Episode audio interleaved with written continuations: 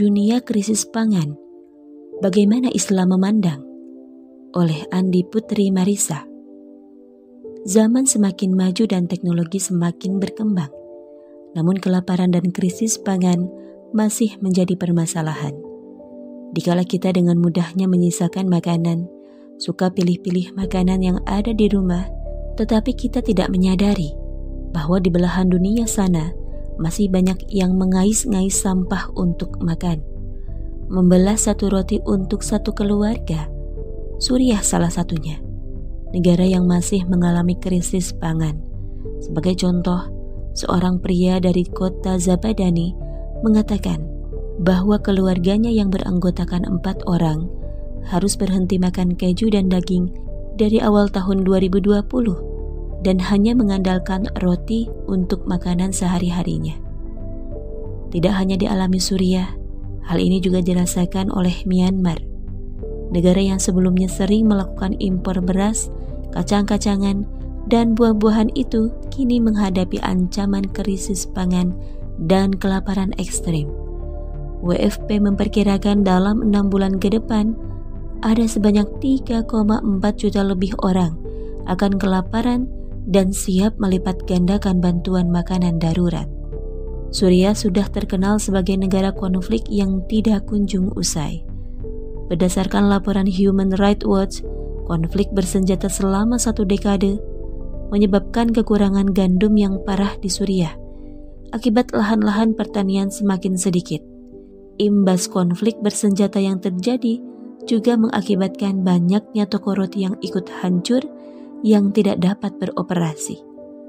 Universitas Humboldt menerbitkan studi terkait konflik bersenjata di Suriah pada tahun 2020. Suriah kehilangan 943 ribu hektar lahan pertanian sejak tahun 2010 dan 2018.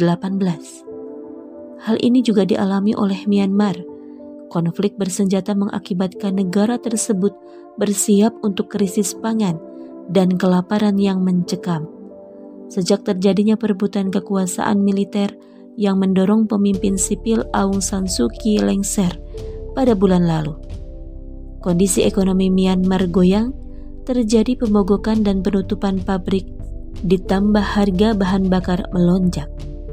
Di satu sisi kondisi sebagian dunia dilanda krisis pangan dan kelaparan, sebagaimana disampaikan oleh Sekretaris Jenderal PBB Antonio Guterres mengatakan lebih dari 30 juta orang di lebih dari tiga lusin negara yang tinggal selangkah lagi dari deklarasi kelaparan.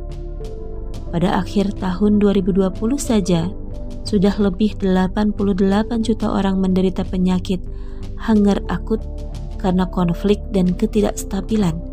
Peningkatan 20% dalam satu tahun kata Guterres menunjuk pada tren yang memburuk pada tahun 2021. Pada sisi yang lain, berbeda cerita yang dialami oleh negara maju. Kasus obesitas justru mengancam. Amerika Serikat salah satunya merupakan negara dengan tingkat obesitas yang tinggi. Menurut World Population Review 2019, tingkat obesitas Amerika Serikat mencapai 36,30 persen Artinya sepertiga lebih penduduk negeri Paman Sam ini masuk dalam kelebihan berat badan. Hal serupa juga terjadi pada Arab Saudi mencapai 35,40 persen, Turki 32,10 persen, dan Selandia Baru 30,80 persen. Kondisi yang sangat jomplang sekali. Kita dipertontonkan dengan situasi yang menyayat hati. Kelaparan dan obesitas menjadi masalah yang tak kunjung usai, seakan segala tindakan tidak mampu untuk menyelesaikannya. Wajarlah, kita sedang hidup berkutat dalam sistem kapitalisme di mana serba kepentingan golongan yang utama. Bagi kaum kapital selama ada keuntungan di dalamnya, haruslah mendukung tercapainya keuntungan itu. Kasus kelaparan yang kerap tinggi terjadi pada negeri-negeri konflik tentu ada peran negara maju yang khas sekali kapitalismenya hadir demi kepentingan tertentu karena ada keuntungan di dalamnya. Lagi-lagi masalah politik ekonomi negara. Begitu pula peningkatan obesitas, gaya hidup hedonis dengan makanan yang tidak menyehatkan seperti kurang jika tidak menghiasi kehidupan masyarakat. Makanan yang tak bergizi dengan nilai yang lebih murah menjadi sasaran kaum bawah. Itulah yang terjadi pada negara maju sekalipun darinya sistem kapitalisme lahir. Kapitalisme juga punya peran di dalamnya. Ada relasi negara dengan kapitalis yang bermain demi profit. Meski harus menimbulkan kelaparan dan obesitas yang berkepanjangan. Sebagai seorang manusia yang merupakan makhluk ciptaan Allah, maka sudah selayaknya ketika ada permasalahan harus merujuk kepada Sang Pencipta. Sebab hanya Allah lah yang mampu menolong hambanya.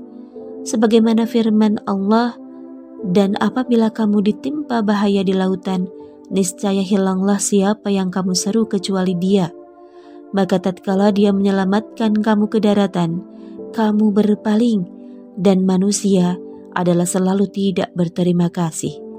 Terjemah surat Al-Isra ayat 67 Inilah gambaran nyata sudah seharusnya kita menggunakan aturan darinya dalam menyelesaikan masalah kelaparan, obesitas, juga pencegahan atasnya.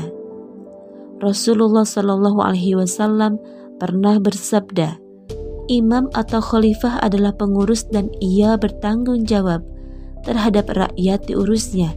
Hadis riwayat Muslim dan Ahmad.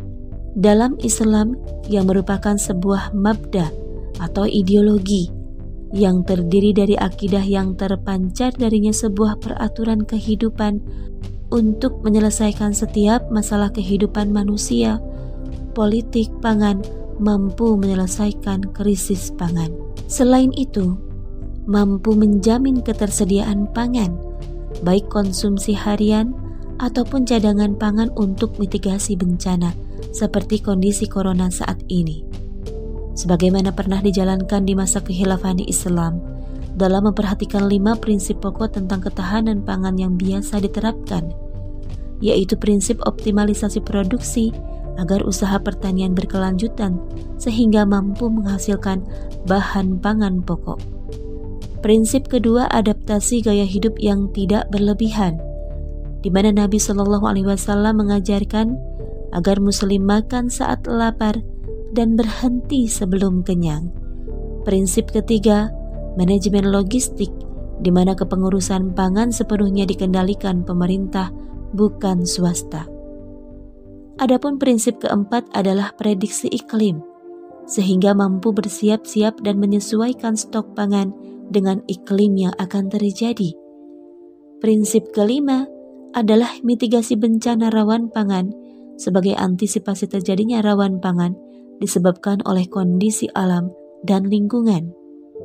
Hal ini akan menjaga agar masyarakat terpenuhi haknya dalam mengisi perut menjauhkan dari segala kepentingan kapitalis dan benar-benar amanah dalam mendistribusikan pangan agar tidak terjadi ketimpangan, sebagaimana di satu sisi mengalami kelaparan dan di sisi lain terjadi obesitas seperti saat ini. Semua itu hanya mampu terwujud dengan sistem ekonomi di dalam sistem pemerintahan Islam. Wallahu a'lam bishawab.